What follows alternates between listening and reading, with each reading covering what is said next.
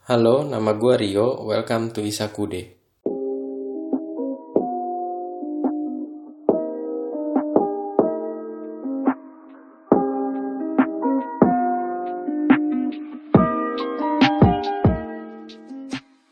Selamat pagi. Oke, em, halo semuanya.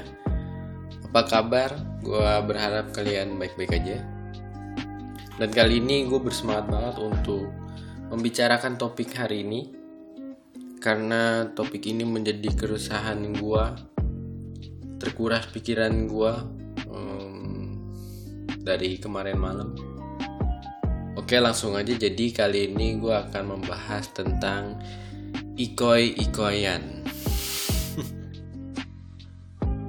Pertama-tama kita breakdown dulu apa itu iko-ikoyan, kemudian nanti gua um, jelasin alasan gue mau bahas iko-ikoyan ini dan apa yang mau gue koreksi tentang iko-ikoyan ini. Jadi gue tahu iko-ikoyan ini tanggal 1 Agustus which is ya minggu kemarin lah um, karena jadi trending topik di Twitter ramai juga kemudian gue mencari tahu juga di Instagramnya Arif Muhammad yang namanya juga trending pada saat itu. Uh, nah gue akan menjelaskan apa itu iko-ikoyan menurut sudut pandang gue ya. Kalau dari apa yang udah gue cari tahu iko-ikoyan itu jadi semacam giveaway yang diinisiasikan oleh selebgram yaitu Arif Muhammad uh, di mana rulesnya adalah followersnya DM atau reply storynya dia untuk apa ya request kebutuhan akan sesuatu dan permintaannya kalau hoki dikabulkan gitu. Biasanya minta uang atau alat segala macam. Nah gue bacain beberapa postingan dia yang menjelaskan apa itu iko-ikoyan. Di postingan feedsnya dia uh, gue baca ini ya captionnya. Sampai sekarang gak berhenti berhenti nih notif dari followers dan teman-teman pengusaha teman-teman artis teman-teman influencer semuanya jadi rame ditodong main iko-ikoyan. Dan uniknya jadi banyak sekali yang bertanya tentang apa itu iko-ikoyan. Jawaban gue simpel aja semuanya tentang berbagi bagi-bagi rezeki bagi-bagi kebahagiaan untuk banyak orang Nah, dari beberapa temen yang menghubungi tersebut, ada aja orang baik yang mau ikut-ikutan berbagi. Dan berbaginya nggak nanggung-nanggung. Kalian standby di story gue sekitar jam 1 siang ini ya. Koi-koyan hari ini bakal next level banget. Ada titipan ratusan juta rupiah dari teman-teman gue untuk dibagikan ke kalian. Ratusan juta. Ya Allah, senengnya orang-orang baik pada muncul. Siap-siap nanti siang dan um, kemudian ada instastorynya juga yang ngasih rule. Oke caranya kita bikin simpel aja. Kalian DM aja ke gua lagi butuh apa nih sekarang? Jujur aja nggak usah disedih-sedihin nggak usah dilebay-lebayin jujur aja. Yang spam pasti tidak akan dipilih. Santai-santai aja kita rezeki mah nggak ke mana. Um, dan setelah itu juga dia screenshot DM DM yang request tanda petik kebutuhan. Gue bilang tanda petik karena nanti lo akan tahu alasannya lah. Oke, terus kemudian alasan gue mau bahas iko-ikoyan ini. Uh, alasannya adalah ketika gue mencari tahu tentang iko-ikoyan ini, gue merasa there's something wrong with this trend. Bukan gue mencari-cari kesalahan ya, beberapa minggu ke belakang ini muncul banyak banget orang yang berbagi dari Baimong yang berbagi ke orang-orang yang dia temui. Kemudian ada Doni Salmanan kasih 1M ke Reza Arab waktu si Reza Arab lagi live streaming. Kemudian dia juga bagi-bagi bantuan PPKM di lampu merah. Jujur aja sebenarnya ketika gue denger semua ini saat itu juga gue merasa ada yang gak beres nih walaupun ya tindakannya bener berbagi. Tujuannya mulia bagus kok. Bukan karena gue iri tapi gue ngeliat ada yang salah dari caranya. Dan iko-ikoyan ini gue rasa menjadi contoh yang konkret untuk dibahas. Oke lanjut kita bahas lagi iko-ikoyan ini. Karena gue makin penasaran gue lihat instastorynya Arif Muhammad yang lain. Karena gue mau tahu dari sisi followers dan dari sisi Arif Muhammadnya sendiri. Jadi followersnya ini kayak gimana nih? Dia ngikut tren uh, ikut giveaway iko-ikoyan ini. Nah ini yang uh, gue baca ya. Ini gue bacain sendiri ada cukup beragam tapi gue bacain beberapa yang gue highlight ada yang uh, eh, DM ngomongnya gini butuh pakai data doang bang. Terus si Alif Muhammad kan uh, screenshot terus diposting di storynya dia dan dia dia apa ya dia tulis kalimat kayak gini di saat yang lain pada minta yang heboh biar ditransfernya banyak, salut sekali ada yang gak serakah begini. Bener-bener secukupnya aja. Habis itu dia bilang, bro, um, dia ngetek nama brand. Yang ini tolong transfer 5 juta. Suka banget sama personalitinya. Satu. Terus yang kedua, ada lagi nih. Kalau buat skincare bang? Dia nanya. Terus si Alif Muhammad respon mau ke mana sih glowing glowing terus habis itu dibawanya skin skincare 2 juta udah oke okay banget lah ya. Tolong transferin. Dia tag lagi nama brand. Um, jadi kita bisa tahu ya um, mungkin uangnya dari brand-brand yang dia tag ini Terus ada yang ngomong butuh mesin cuci biar nggak capek. Cuci baju tiga anak masih kecil semangat tapi gue tetap semangat dan lain-lain. Terus dia bilang boleh mesin cuci harganya berapa sih? 4 juta ada kan ya. Uh, terus dia bilang bro dia tag lagi nama brand 4 juta nih ya transferin. Terus ada yang minta HP baru udah lima tahun gak ganti-ganti. Terus dia bilang kalau HP baru biar gue aja yang kasih terus dia tag nama um, asistennya dia mungkin ya kok ini chat um, satu brand minta kirimin HP baru hari ini. Kasih yang masih segel dan garansi resmi. Jadi oh iya satu lagi. Iko-ikoyan ini berasal dari nama asistennya ya. Se apa ya sepemahaman gue berasal dari nama asistennya. Namanya Ikoy Nah kemudian ada butuh kado buat kasih ke pacar bang. Mau beli tapi mau tutup. Dan dia juga responnya bagus nih si Arif. Ya berarti kan mampu beli sendiri beli online aja. Terus ada yang nanya butuh TV boleh nggak bang? Biar istri sama anak gak kesepian di rumah kalau tinggal ditinggal kerja bang. Kadang kepengen kredit TV tapi tanggungan masih banyak. Terus dia responnya aku kirim 4 juta beli TV LED yang bagus ya biar anak istri enak nontonnya Oke, okay, itu dia. Beberapa instastorynya. Dan ini yang gue takutin dari iko-ikoyan ini. Gue takut dengan adanya cara berbagi seperti ini menciptakan mental pengemis. Buat netizen terutama ya followersnya Arif Muhammad ini. Bahkan influencer lain ikut ditagi di instastorynya dia juga um, ngebagiin kalau banyak orang banyak influencer influencer yang ditagi sama fansnya untuk ngadain iko-ikoyan ini. Gue nggak nggak nyalahin niat berbaginya. Bagus sekali. Tepat kok. Cuman gue mau koreksi caranya aja Felicia Putri Yaksa gue gak tahu ini nyebutnya Putri Jaksa Putri Jaksa Putri Yaksa. Um, itu adalah salah satu influencer investasi dan financial planning yang gue follow juga. Dia juga ikut ditagi tuh sama followersnya untuk mengadakan giveaway iko-ikoyan. Dan dia ngadain kemudian uh, yang dia giveaway itu ada beberapa lot saham.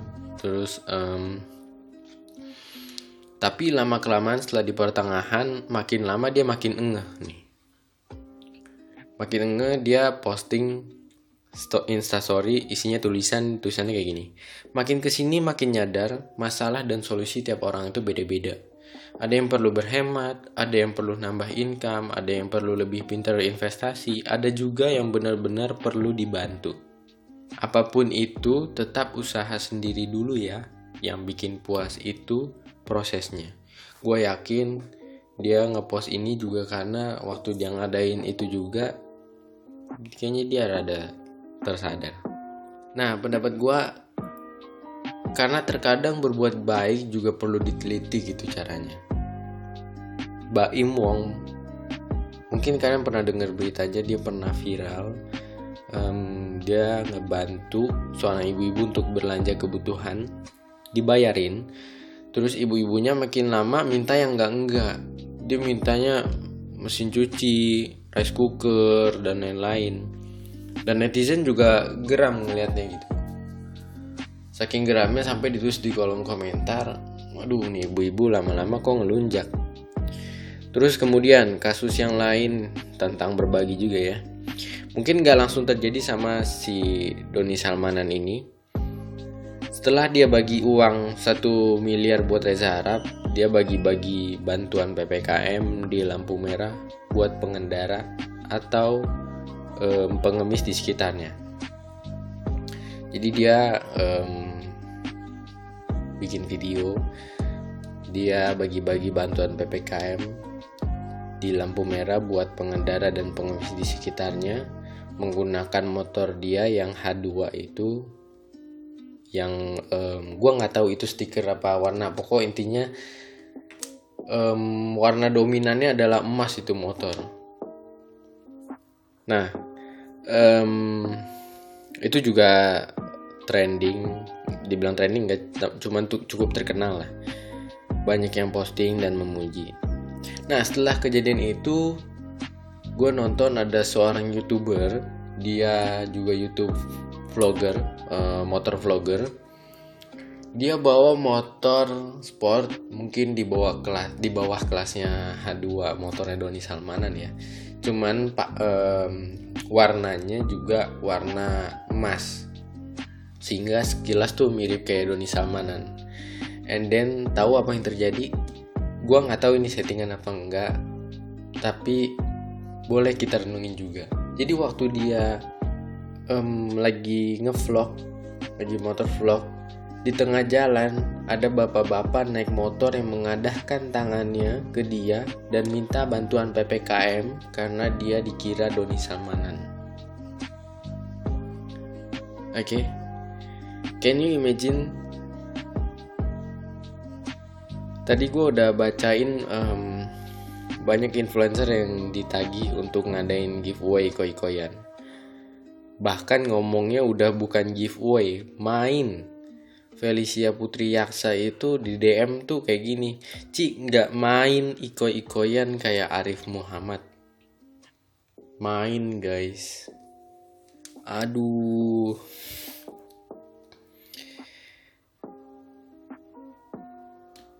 gue pun tahu influencer lain juga sebenarnya agak tertekan karena fans tuh kalau nagih sesuatu dan nggak di nggak diikutin tuh pasti ngambek.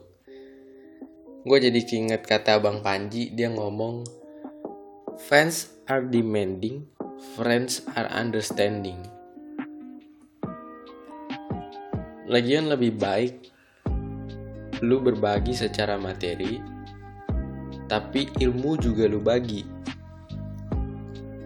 Gue pernah denger orang ngomong gini cuman gue lupa siapa ya yang dia dia ngomong kayak gini kalau ada orang yang minjem duit sama gue gue kasih. Lu butuh berapa gue kasih. Nggak perlu dibalikin tapi gue nggak mau denger lu minjem duit lagi sama gue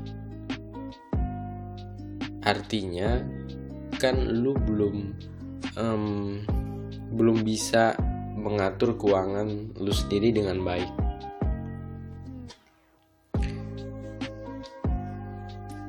Itu contohnya gitu. Kalau mau berbagi, ya nggak cuma materi, bagi juga ilmunya biar orang pun mengerti gitu. bayangin aja di iko-ikoyan itu ada yang minta lunasin KPR KPR guys cicilan rumah